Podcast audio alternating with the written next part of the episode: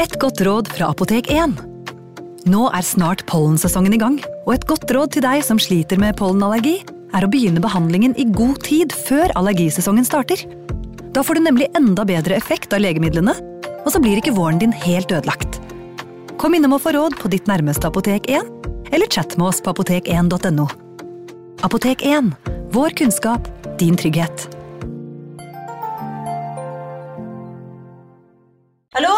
Jeg kommer fra Oslo politikammer. Ine Jansen er purk. Er du purk? The motherfucking bitch. Alt jeg vil, er å finne ut hva som skjedde med mannen min. Jon Carew. Er jeg sikta for noe? Iben Akeli. Det er du. Ole So, Lars Berrum og Big Daddy Karsten. Hvem sin side er du på, egentlig? Anette Hoff, Tone Danielsen, Kommer du fra Afrika?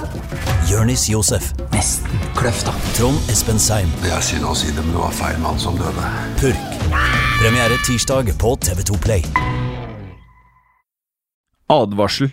I denne podkasten vil du høre historier basert på informasjon programlederne har funnet selv. Programlederne står ikke nødvendigvis inne for meninger og syn som fremstilles. Noen påstander kan avvike fra virkeligheten.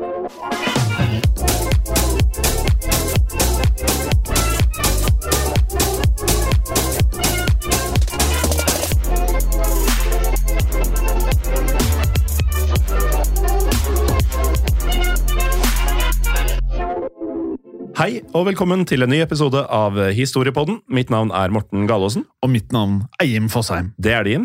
Du, Velkommen tilbake til disse åpne kanalene som Spotify og um, iTunes. Ja, vi liker oss godt her òg. Ja, Men vi er, har jo ikke vært her på en stund. På de siste tre ukene, f.eks. Ja, det, det er helt riktig, Morten. For eh, vi har nemlig vært i den rosa appen, altså Untold. Mm. Og jeg er jo da Apple-bruker, og um, første gang jeg skulle laste ned Untold, da skrev jeg Untold i søkefeltet. Så kom det opp eh, en, eh, et rosa ikon.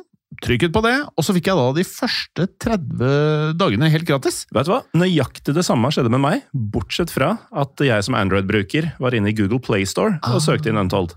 Og da fikk også jeg de første 30 dagene gratis. Er ikke det greit, da? Det var veldig ålreit. Men så har vi jo de lytterne som eh, ikke bruker Google Playstore eller AppStore på Apple. Nei, men vi har en løsning for disse også. Om vi har. For det er jo flere av dem enn vi ante. Ja, det var jo mange av de. Det virker som det er en greie. Ja. Og da går man bare inn i browseren. Noen bruker jo Chrome. Ja. Jeg er blant eh, dem, men du som bruker iPhone, du bruker kanskje en annen eh, nettleser enn det igjen? Ja, jeg har Safari, men jeg har registrert at den der Mozilla Firefox er veldig populær. Og da skriver du bare untold.app, og så får du tilgang på den måten. Ja, Nemlig til en app ved navn Untold. Helt riktig. Yes. Du, I dag Jim, så skal vi prate om en av tidenes eh, største Hollywood-stjerner, Ja. nemlig Marilyn Monroe. Og vi er jo kanskje ikke gamle nok til å ha det forholdet til Marilyn Monroe som våre foreldre hadde, men eh, i dag skal vi da bli godt kjent med dama som eh, regnes eh, som et av filmhistoriens aller største sexsymboler. Ja. Men det er ikke først og fremst derfor vi skal prate om henne i dag.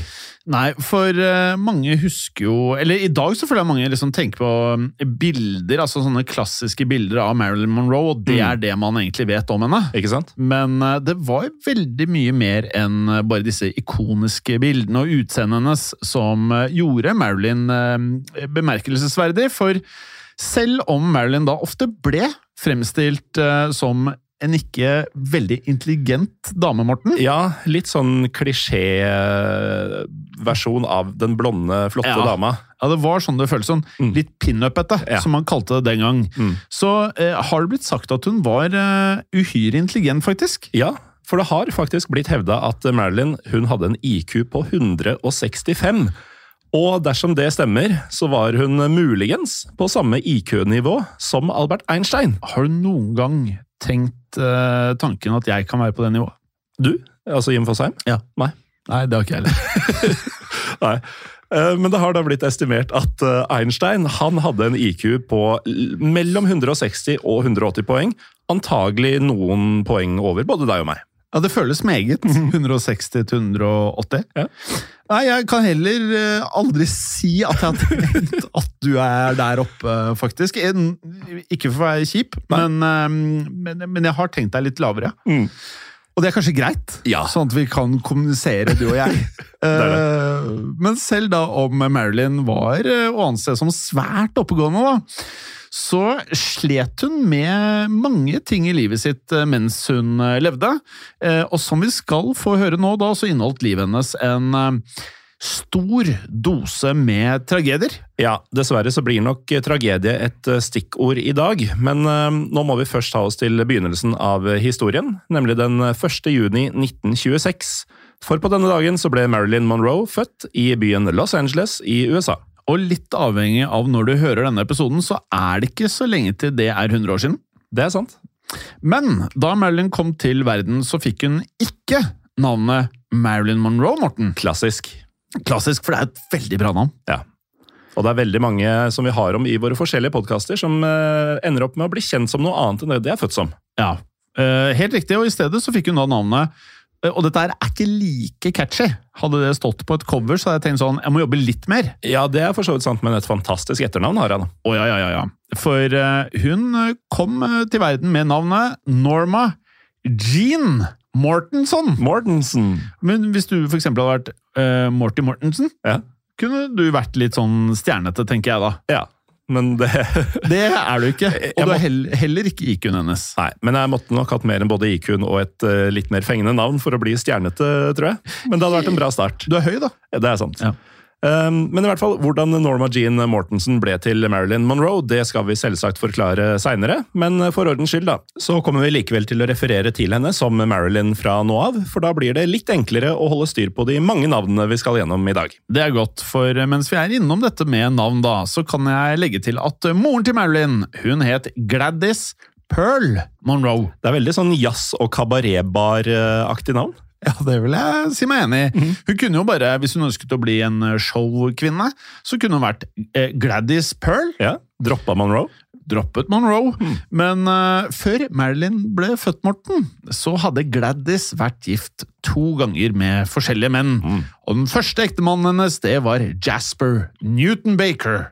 Og den andre het Martin Edward Mortensen. Ja, så da Gladys ble gravid med Marilyn, så het hun derfor Gladys Mortensen. Men det var ikke mm, denne Martin Edward Mortensen som var faren til Marilyn. Nei. For i 1926, da var Gladys og Martin eh, separert, så hvem var da egentlig faren til Marilyn? Ja, for det var ingen av disse. Nei. Det var nemlig Charles Stanley Gifford.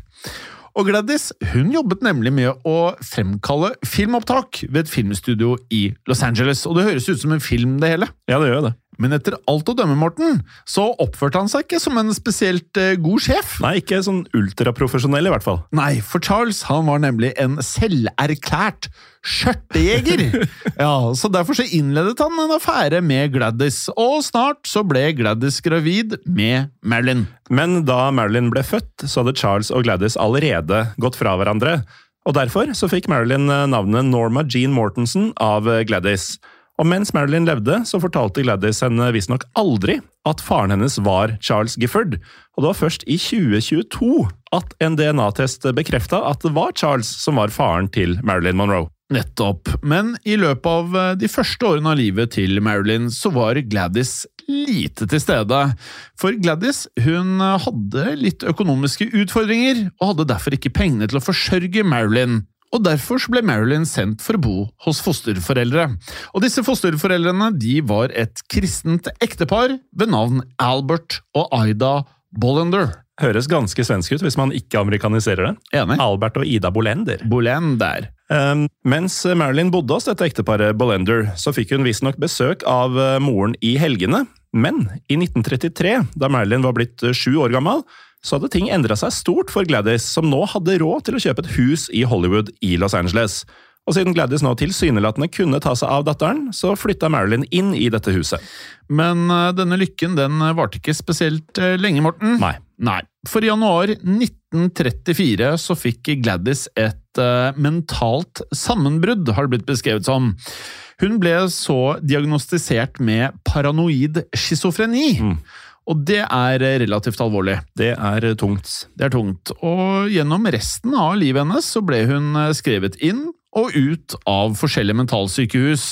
Og med det så hadde Marilyn lite kontakt med Gladys fremover. Men eh, til alle de årvåkne lytterne så har man vel kanskje regnet seg frem til at uh, i år 1934 så er ikke Marilyn Monroe mer enn syv år gammel. Nei, hun er en, en stund fra å bli myndig. Det er helt riktig, Morten.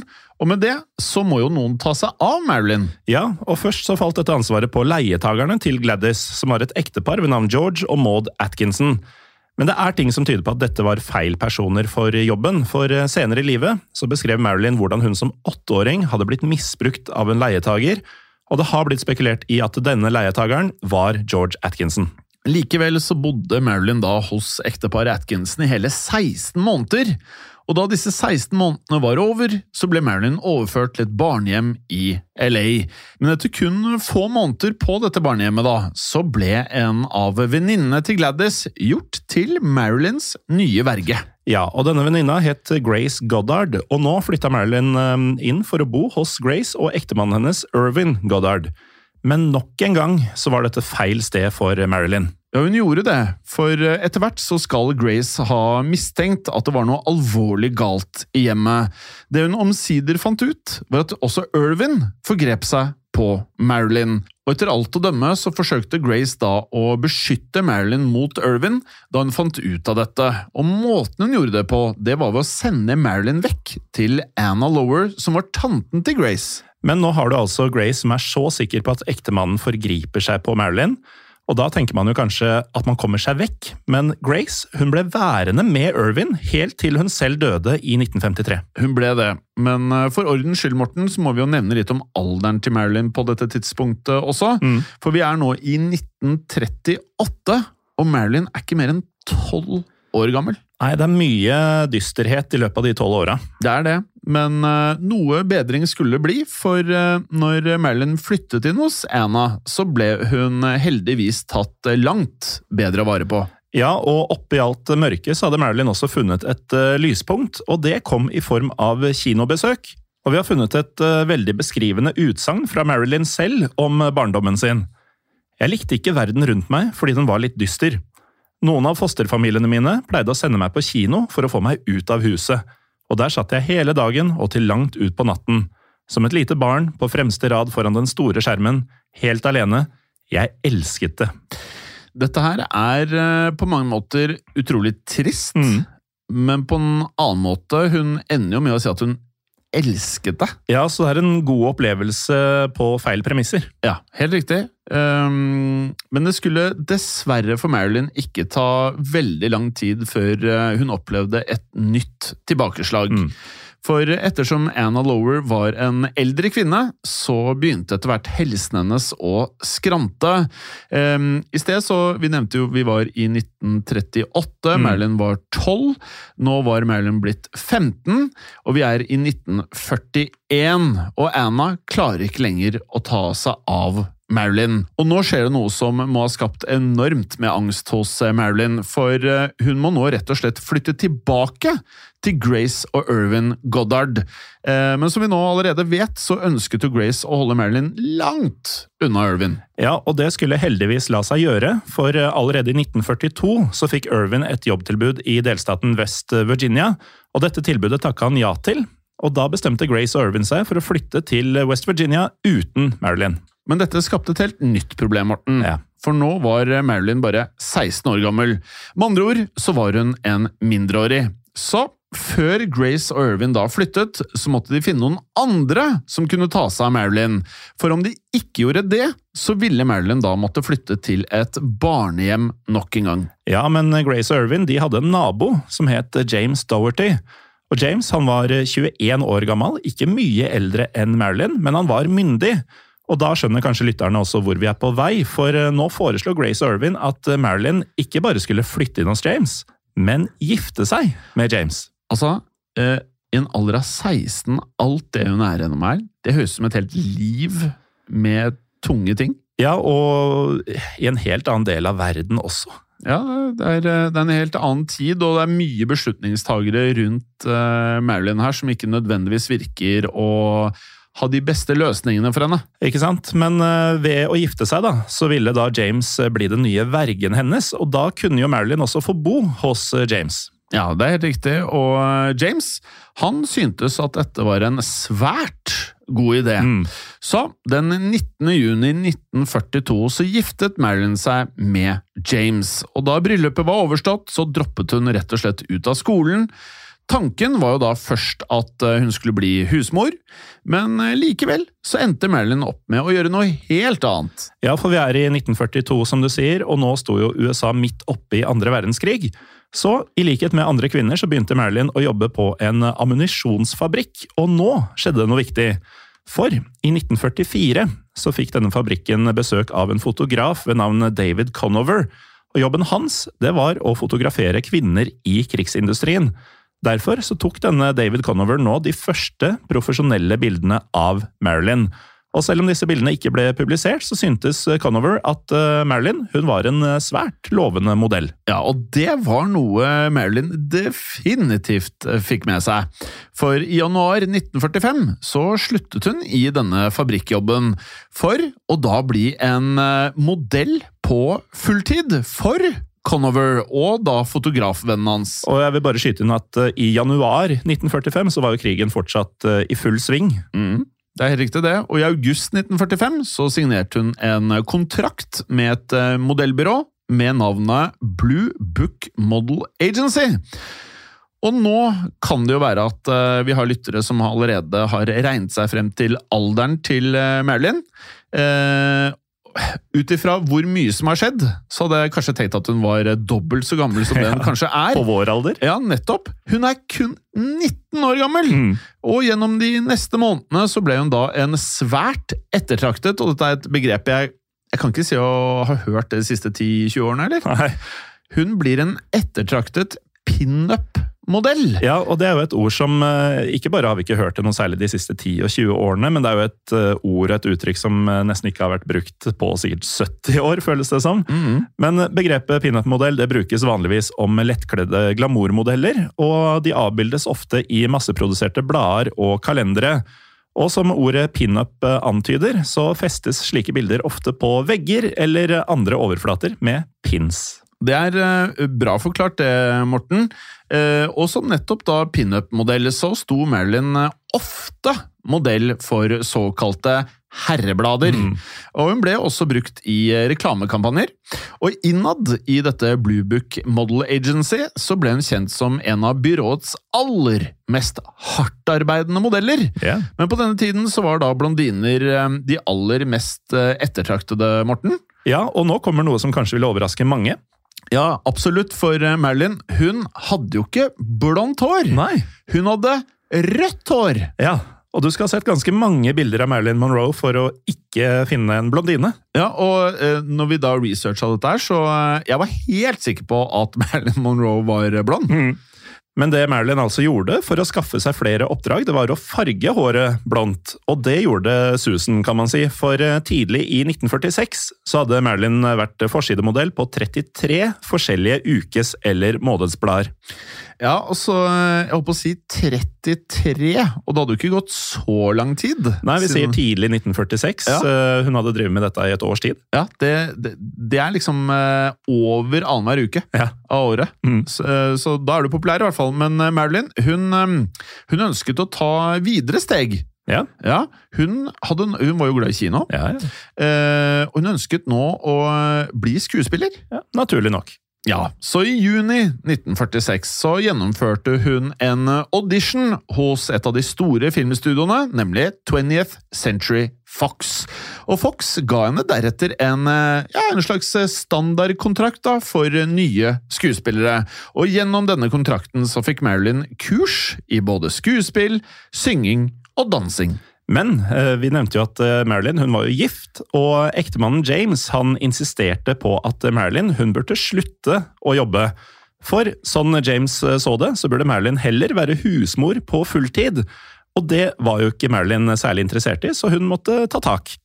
Hvis det å skille seg fra mannen sin er å ta tak, så tok hun voldsomt tak. Jeg synes det er å ta tak. Ja, Hun tok tak, for hun eh, skulle nå skille seg fra James. Og denne skilsmissen den eh, trådte i kraft i september 1946, så det gikk radig for seg. Og noe kanskje lytterne har glemt litt, grann, for vi omtaler jo eh, hovedpersonen i dag for Marilyn Monroe. Ja. Men hun var jo kjent som Norma Jean helt frem til dette tidspunktet, selv om vi kaller henne Marilyn. Men nå skulle hun også offisielt ta artistnavnet Marilyn Monroe. Og navnet Monroe det var som kjent eh, pikenavnet til eh, Gladys, som eh, for lytterne som har glemt det, var moren til Marilyn. Og ifølge informasjonen vår så ble navnet Marilyn valgt ut av en produsent innad i Fox. Og denne produsentens navn var Ben Lyon. Og Ben han valgte angivelig navnet Marilyn ettersom han da begynte å tenke på en amerikansk musikalartist ved navn Marilyn Miller. Ja, for eh, på 30-tallet så var Marilyn Miller en eh, stor stjerne på Broadway, altså teaterdistriktet i eh, New York. Men det var på 1950-tallet at vår Marilyn, altså Marilyn Monroe, skulle slå gjennom i USAs mest berømte filmdistrikt, nemlig Hollywood i Los Angeles. Men før Marilyn slo igjennom, så opplevde hun noen nedturer til. For selv om hun fikk noen små filmroller på tampen av 1940-tallet, så var ikke produsentene i 20th Century Fox overbevist. Produsentene mente nemlig at Marilyn var altfor sjenert og også usikker, så usikker at de ikke mente at hun kunne bli noen god skuespiller, så i 1947 så ble ikke kontrakten hennes med Fox forlenget. Så nå gikk Marilyn tilbake til å jobbe som pinup-modell, men eh, siden hun var fast bestemt på å lykkes i Hollywood, så fortsatte hun å studere skuespill på fritida. Og som vi nevnte, så var jo Marilyn en svært intelligent kvinne, så nå skjønte hun at det gjaldt å ha de rette kontaktene for å komme seg opp og fram. Og nå skulle Marilyn gjøre noe riktig så strategisk. Hun endte da opp med å henge rundt kontorene til forskjellige filmprodusenter, og hun ble etter hvert en god venn av en svært populær sladrespaltist ved navn Sidney Skolksy, og hun utviklet angivelig et vennskap og et seksuelt forhold med en produsent i 20th Century Fox. Ja, og denne produsenten det var en Joseph Schenk, og snart så overtalte Schenk filmstudioet Columbia Pictures til å ansette Marilyn som skuespiller. Men her har vi bitt oss merke noe, Morten. Ja, for vi er i 1947, og da var Schenk 71 år gammel. Ja. Mens Marilyn, hun hadde fylt 21. Ja, og det er jo litt differanse. Ja, det er jo fort 50 år imellom, det. Og visstnok så måtte Marilyn hanskes med mye seksuell trakassering da hun forsøkte å slå gjennom i Hollywood. Dessverre, men eh, med det sagt da, så ble Marilyn nå ansatt av Colombia, og snart så fikk hun eh, flere små filmroller. Ja, men samtidig så fortsatte hun å jobbe som pinup-modell, og i 1949 så var det under et uh, sånt modelloppdrag at Marilyn stifta enda et viktig bekjentskap. Hun møtte nemlig en Johnny Hyde. Ja, hun gjorde det, og Hyde han var uh, visepresident i talentbyrået The William Morris Agency. Og i løpet av kort tid så innledet han en affære med Marilyn. Ja, og Hyde han sørga så for at Marilyn fikk enda flere biroller i forskjellige filmer, og det ble avgjørende for karrieren hennes. For nå lot mange filmkritikere seg imponere av skuespillerprestasjonene til Marilyn Monroe.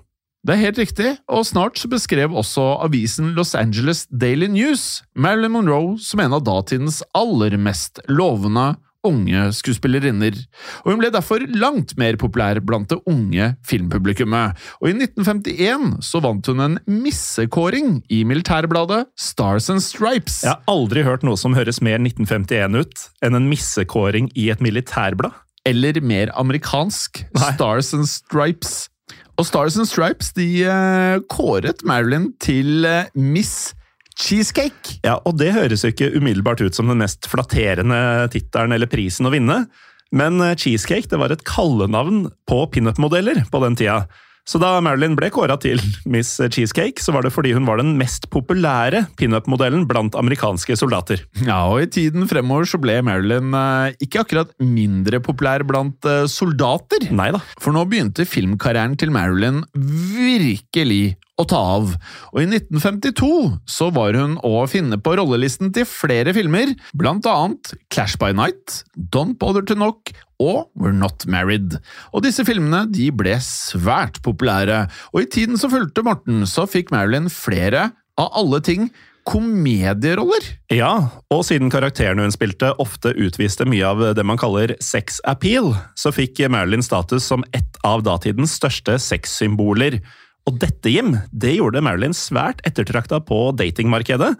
Men selv om Marilyn angivelig hadde flere affærer, så hadde hun til gode å gifte seg for andre gang. Men det skulle snart uh, endre seg, Morten. Veldig snart. For uh, i 1952 da, så møtte Marilyn en av tidenes aller, aller beste baseballspillere, nemlig Joe DiMaggio. Ja, Joe og Marilyn de kjente nemlig begge en talentbyråagent ved navn David March. Og noen år senere så forklarte March hvordan han overtalte Marilyn til å dra på en date med Joe. Og ifølge March så var det nemlig Joe DiMaggio som først sa at han ønsket å møte Marilyn, og deretter så ringte March til Marilyn og sa til henne at han kjente en svært hyggelig fyr som eh, han mente at hun burde møte. Marilyn var skeptisk og spurte March finnes det noen hyggelige fyrer igjen der ute. Og til det så svarte March denne fyren, Joe DiMaggio. Ja, og her har vi jo oversatt til norsk, selvfølgelig, så det blir jo enda mer klassisk når du tenker at det er This Guy, Joe, Joe DiMaggio. DiMaggio. Ja. Um, men da David March skulle introdusere Joe og Marilyn for hverandre, så ble kvelden ødelagt av en legendarisk entertainerhjem ved navn Mickey Rooney. For i motsetning til Marilyn, så var Rooney svært interessert i baseball. Ja, så La oss eh, høre da hvordan eh, David March eh, opplevde det hele. Rooney gikk rett og slett ikke bort. Jeg prøvde å signalisere til Rooney, men han tok ikke hintet. Han fortsatte bare å henge rundt oss for å snakke om baseball. Joe og Marilyn fikk ikke utvekslet et eneste ord sammen etter at Rooney ble med i samtalen.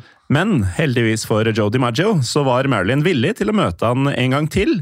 Og denne gangen så fikk de ikke selskap av Mickey Rooney, og da oppsto det søt musikk, Jim. For i januar 1954 så gifta Marilyn Monroe seg med Joe DiMaggio. Og da bryllupet gikk av stabelen, så var de henholdsvis 28 og 39 år gamle. Og de var innledningsvis i hvert fall helt betatt av hverandre. Ja, eh, men dette ekteskapet skulle ikke være uendelig. Nei, det kan du trygt si. Ja, det varte i under et år. Ja. Og da var det blant annet en filminnspilling som da bidro til at eh, ekteskapet fullstendig raknet. For i september 1954 så begynte Marilyn å filme komedien The Seven Year Itch. Altså sjuårskløa.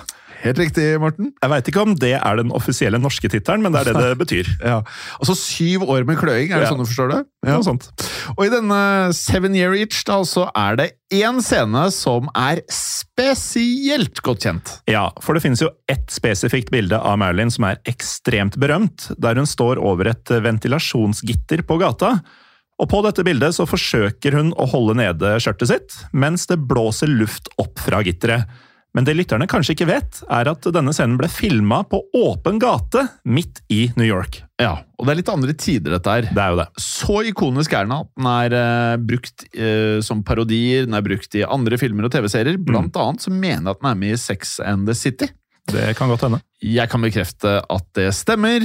Eh, Så, når dette her skjedde under innspilling, så samlet det seg ikke eh, 100 mennesker, ikke 200 mennesker. Nei, Det var ikke bare filmcrewet. Nei, ikke 1000 mennesker engang, Nei. men 2000 mennesker samlet seg for å se på innspillingen! Og slik vi forstår det, så opplevde Marilyn dette som eh, noe ukomfortabelt. Og da Joe DiMaggio da så bildene av Marilyn som nesten fikk skjørtet sitt blåst av gårde, så ble han visstnok rasende. Ja, Joe ble sint. Ja, veldig sint. Og han har sagt at han eh, på denne tiden følte seg eh, sjalu ofte på grunn av Marilyn sin status som et sexsymbol. Ja, og hvis vi bare pauser litt og spoler litt tilbake, så husker vi at Marilyn hun har hatt sin eh, omgang med sinte og dominerende menn. Og eh, nå var det sånn at av denne sjalusien, så begynte Joe å oppføre seg mer og mer voldelig, og også kontrollerende.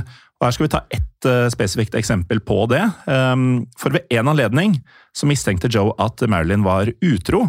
Og da ansatte Joe en privatetterforsker som fikk i oppgave å avsløre denne utroskapen. Og angivelig så var det da mens eh, Joe var ute og spiste middag med en kamerat, at han skulle få en beskjed fra denne privatetterforskeren. Og ifølge beskjeden så befant Marilyn seg i et eh, nærliggende hus sammen med en annen mann. Og Derfor så overtalte Joe kameraten sin til å bli med til dette huset for å ta Marilyn på fersk gjerning. Og nå tenkte jeg at eh, lytterne kan få lov til å gjette hvem denne kameraten til eh, Joe DiMaggio er. Ja, og mens de tenker, så kan vi bare oppsummere at Joe DiMaggio, kanskje USAs største idrettsstjerne, Marilyn Monroe, en av de største filmstjernene, og denne kompisen til Joe var heller ingen smågutt, for det var Vi kan jo si eh, hintet må jo være at han er kanskje verdens største innenfor sang Ja. på denne tiden. For det var ingen ringere enn Frank Sinatra som Joe satt der sammen med. Og det har blitt sagt at eh, de to hadde drikket en del da de fikk denne beskjeden, så de var både fulle og Joe ekstra sint. Så de storma da ut av restauranten for å løpe av gårde til dette huset som eh, de trodde hun var i. Og eh, de brøyt så opp eh, døra og gikk inn. Ja, og nå begynte da Joe og Frank angivelig å ta bilder på innsiden av huset.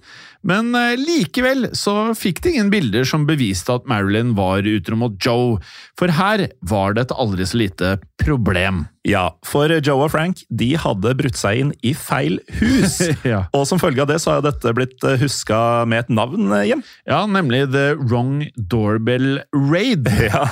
Så i stedet for at de tok Marilyn Monroe på fersk gjerning, så ble Joe og Frank møtt av den vettskremte huseieren Florence Cotts. Og det må jo bare være helt absurd for en helt vanlig person å plutselig ha to av verdens eh, største stjerner i forskjellige grener eh, i huset sitt. Som skal ta bilder av deg og alt som skjer der inne også. Ja.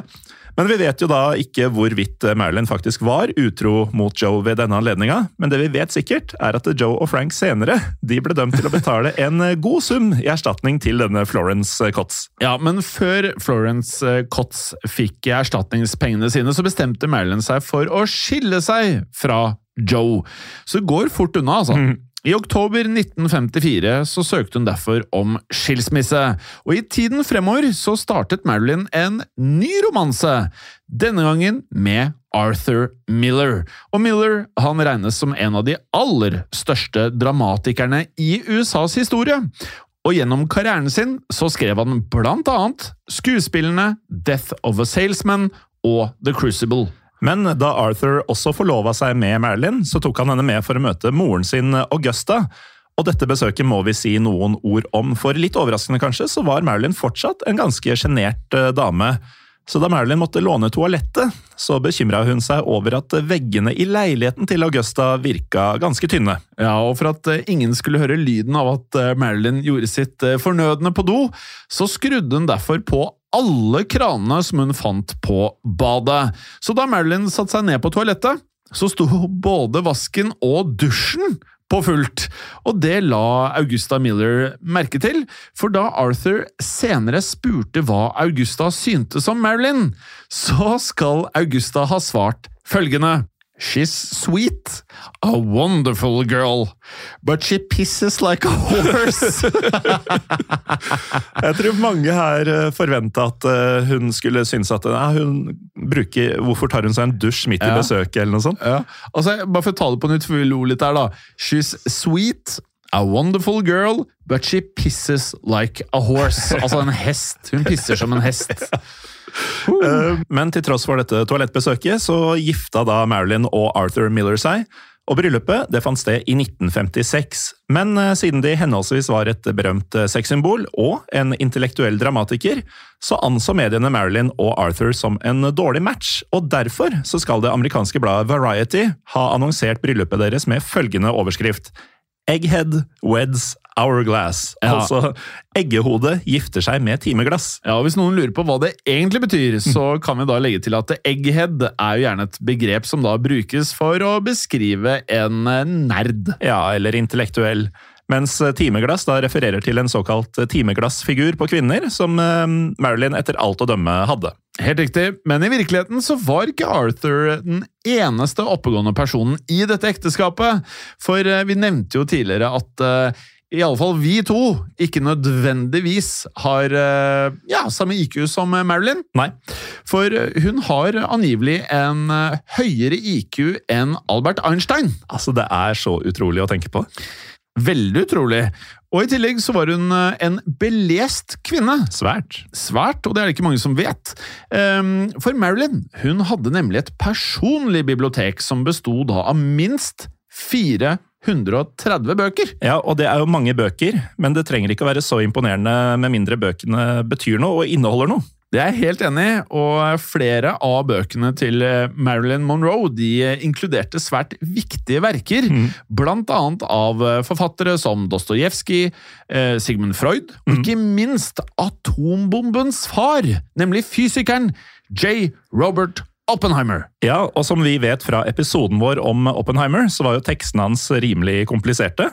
Så dersom Marilyn leste verkene hans på fritiden, så må det jo sies å være rimelig imponerende. Ja, så vi vet da at Marilyn i virkeligheten var meget smart, men likevel så spilte hun ofte til sin da store frustrasjon ofte dumme karakterer på film. For som skuespiller så måtte hun som regel spille såkalte dumme blondiner, noe hun da selvfølgelig i realiteten var langt unna å være.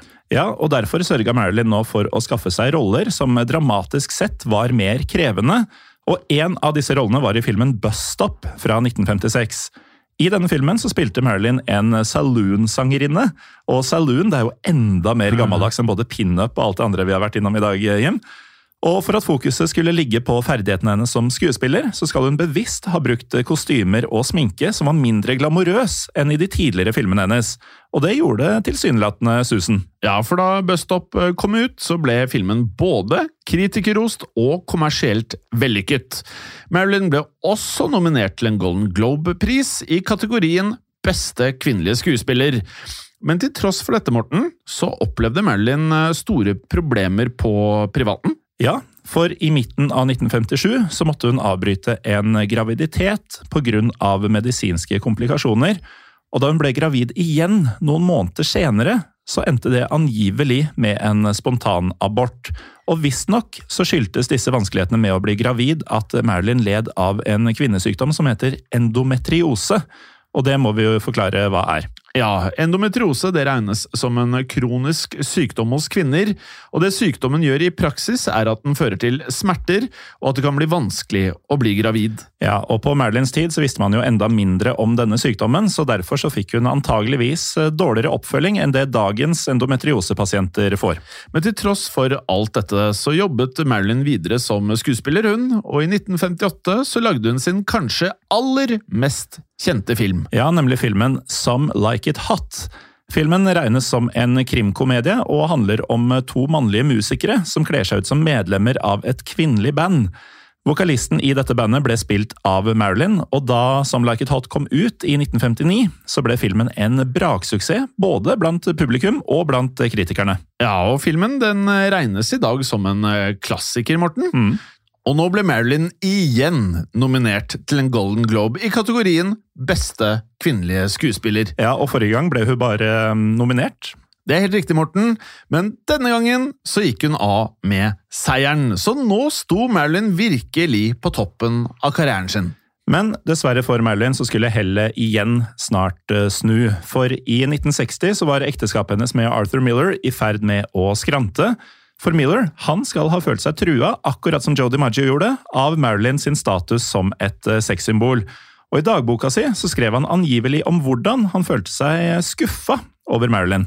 Nøyaktig hva som sto i eh, dagboken til Miller, er noe uklart. Men det bør ha vært ganske saftig. Ja, om det var saftig, ja. For uh, Marilyn skal på et tidspunkt ha lest noe i denne dagboken som gjorde at hun ble fullstendig knust. Og her tenker jeg to tanker samtidig. Det ene er eh, hvorfor leser hun dagboka hans? Ja. Og det andre er hva i all verden er det som kan ha stått? Jeg er enig. Eh, det må ha vært noe veldig alvorlig, i hvert fall. For eh, det ledet da faktisk til at ekteskapet deres endte i en skilsmisse. Ja, på litt uh, uvanlig vis, for i januar 1961 så gjennomførte Marilyn og Arthur det de kaller en Mexican divorce, him. Det høres kanskje mer uh, spennende ut enn det kanskje er? Ja, fordi Mexican standoff er veldig spennende i actionfilmer. ja, det er veldig spennende. En Mexican divorce, det er rett og slett en skilsmisse som blir gjennomført i Mexico. Ja. ja.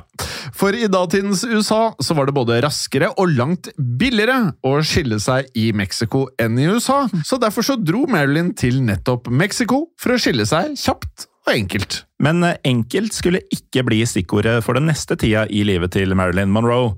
For da ekteskapet med Arthur Miller tok slutt, så ble Marilyn kraftig deprimert, og som følge av denne depresjonen så utvikla hun også store søvnproblemer. Så derfor så begynte Marilyn å ta sovemedisiner på toppen av en rekke andre medikamenter, og snart så utviklet dette seg til en kraftig stoffavhengighet, som da inkluderte både amfetaminer og diverse beroligende medisiner. Ja, som vi skal høre, så fikk dette til slutt eh, dramatiske konsekvenser, men før vi hører om disse konsekvensene, så kan vi jo nevne at Marilyn hun begynte å date igjen. Og da skal vi tilbake til en kar vi allerede har nevnt tidligere i episoden. Ja, for nå var det faktisk Frank Sinatra som Marilyn begynte å date. Men eh, selv om Marilyn og Frank ikke data i mer enn noen få måneder, så er det én ting ved forholdet deres vi har bitt oss merke i, nemlig en hund. Ja, for mens de datet Morten, så ga Frank en liten terrier i presang til Marilyn. Apropos terriere og hunder, så har jo vi spilt inn en episode ganske nylig av Historie på den andre verdenskrig. Det stemmer. Hvor eh, Eva Braun, altså Hitlers elskerinne, hadde et par terriere som Hitler ikke var så glad i. Nei, han var ikke glad i de, men han var veldig glad i schæfere. Ja. Og han hadde jo da en schæfer som het eh, Blondie. Han hadde, Ja, så som han det- var veldig glad i. Ja, han var glad i Blondie, ja. Mm. Den her kan du høre på Historie på den andre verdenskrig. Ja, Og den ligger inne i Untold, Ja, for de som ikke mm, er der ennå. Veldig bra. Eh, Og dersom eh, noen av lytterne mm, aldri har hørt på Gangsterpodden, så kan vi jo legge til at eh, Frank han hadde jo da kontakter eh, blant annet innen den amerikanske mafiaen. Og det kan du høre masse om eh, hvis du hører på Gangsterpodden på Untold. Det er helt riktig, Morten. Så for å da erte Frank, så bestemte Marilyn seg for å kalle hunden Mafia Honey. Ja, og da Frank og Marilyn slutta å date, så ble Mafia Honey boende hos Marilyn. Og derfor så utgjorde da Mafia Honey Altså, for et navn! For et navn! Eh, Mafia Honey utgjorde et lite lyspunkt, mens Marilyn fortsatte å slite med depresjon og stoffavhengighet. Men selv om Marilyn ikke hadde det bra på innsiden, så var hun fortsatt like glamorøs på utsiden. Så i mai 1962 så ble hun invitert til New York for å kaste glans på bursdagsfeiringen til selveste USAs daværende president John F. Kennedy. Ja, for i 1962 så feira nemlig Kennedy 45-årsdagen sin i arenaen Madison Square Garden i New York. Og mens Kennedy satt i publikum, så trådte Marilyn opp på scenen foran en fullsatt sal. Og her hadde hun på seg en åletrang beige kjole som skal ha matcha hudtonen hennes. Og derfor så hun nesten naken ut mens hun begynte å synge til presidenten. Happy birthday to you. Ja, og da Marilyn sang Happy Birthday, Mr. President til Kennedy, så utgjorde dette et av de mest ikoniske øyeblikkene i karrieren hennes. Og siden denne opptredenen hennes var da mer av det sensuelle slaget, da, så oppsto det en rekke spekulasjoner om hvorvidt Marilyn da hadde innledet en affære til selveste John F. Kennedy. Ja, for det kan være sånn at eh, Marilyn og Kennedy kan ha tilbrakt én natt sammen.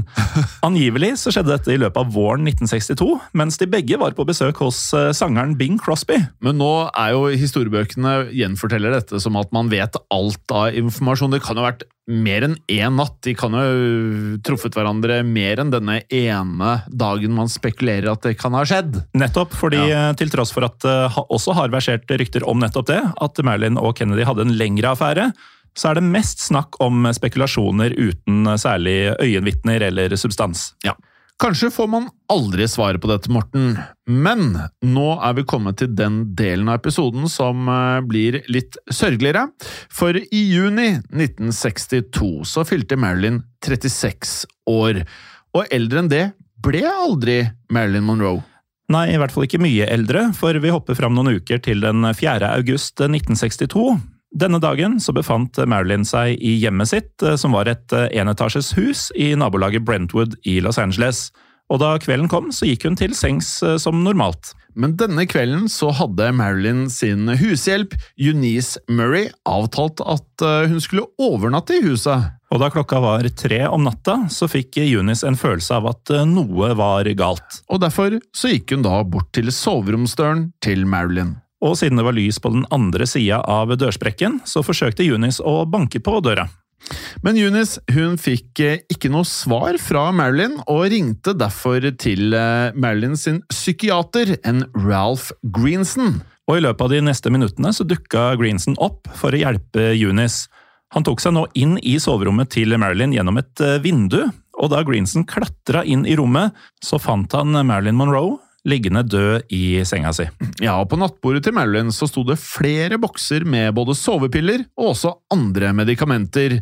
Og med det så mistenkte Greenson og de første legene som dukket opp, at Marilyn mest sannsynlig hadde tatt overdose ved et uhell. Men da kroppen hennes ble obdusert, så viste det seg at hun hadde svelga så mange piller at det mest sannsynlig var snakk om et eh, selvmord. Helt riktig, og da, sett i lys da av eh, de psykiske problemene som Marilyn hadde gått gjennom, så ble denne teorien støttet av flere leger, og med det så konkluderte rettsmedisinerne som da undersøkte Marilyn, med at hun sannsynligvis da hadde tatt sitt eget liv. Og med det så fikk jo historien om Marilyn Monroe, som starta så tragisk, også en tragisk eh, slutt. Men i årene etter at hun døde, så har Marilyn blitt huska som eh, en av de mest legendariske skuespillerne i Hollywoods eh, historie. Og i dag så blir graven hennes i Westwood Village Memorial Park Cemetery i LA fortsatt besøkt av fans fra hele verden. For en berg-og-dal-bane av en episode, Jim. Ja, dette her er et meget innholdsrikt eh, liv, og det var bare over 36 år at alt dette skjedde. Ja, så Vi tok jo et par stopp underveis her. Etter 12 år så tenkte vi hun må jo være mye eldre som har gått gjennom alt dette. Etter 19 år så sa vi det samme. Og nå etter 36. Altså, mm. det er jo fire-fem personers vanlige liv i løpet av de 36 årene. Og det føler jeg går igjen i mange av episodene vi lager i alle podkastene våre, om det er Historiepodden, VV2, Gangsterpodden, hva det nå enn måtte være, så er det Det er noen mennesker som har levd opp igjennom, som har opplevd vesentlig mer enn oss. Ja, og når du nevner alle disse podkastene, så kan jeg jo si at eh, alle disse ligger jo ukentlig med nye episoder i eh, Untold, sammen med et titalls ja. andre podkaster. Helt riktig, og nå har det også kommet en eh, funksjon der hvor du kan høre alle Premier League kampene mm. eh, hver eneste helg live i appen uten noen ekstra kostnad. Så måten du da får tilgang på alt dette på, er ved, hvis du er en IOS-bruker som meg selv, altså Apple, så går du inn på AppStore, laster ned Untold, og hvis du ikke har gjort denne øvelsen før, så får du faktisk første måneden gratis.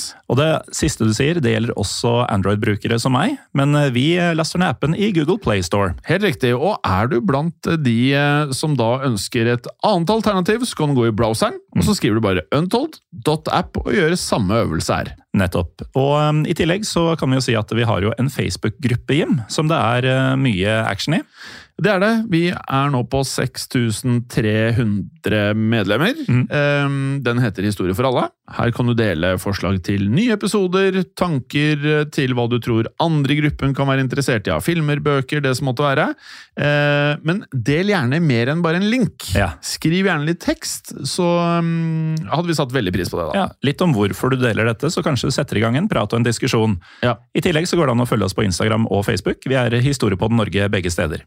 Og du er eh, Morten Gallosen på Instagram, og jeg er Jim Fosheim. Ja, Akkurat som vi heter i virkeligheten. Ja, Det er, eh, det er ikke veien der. Nei. Eh, og med det, Morten, dette her har skjedd. Og det kan skje igjen. Ha det bra. Ha det.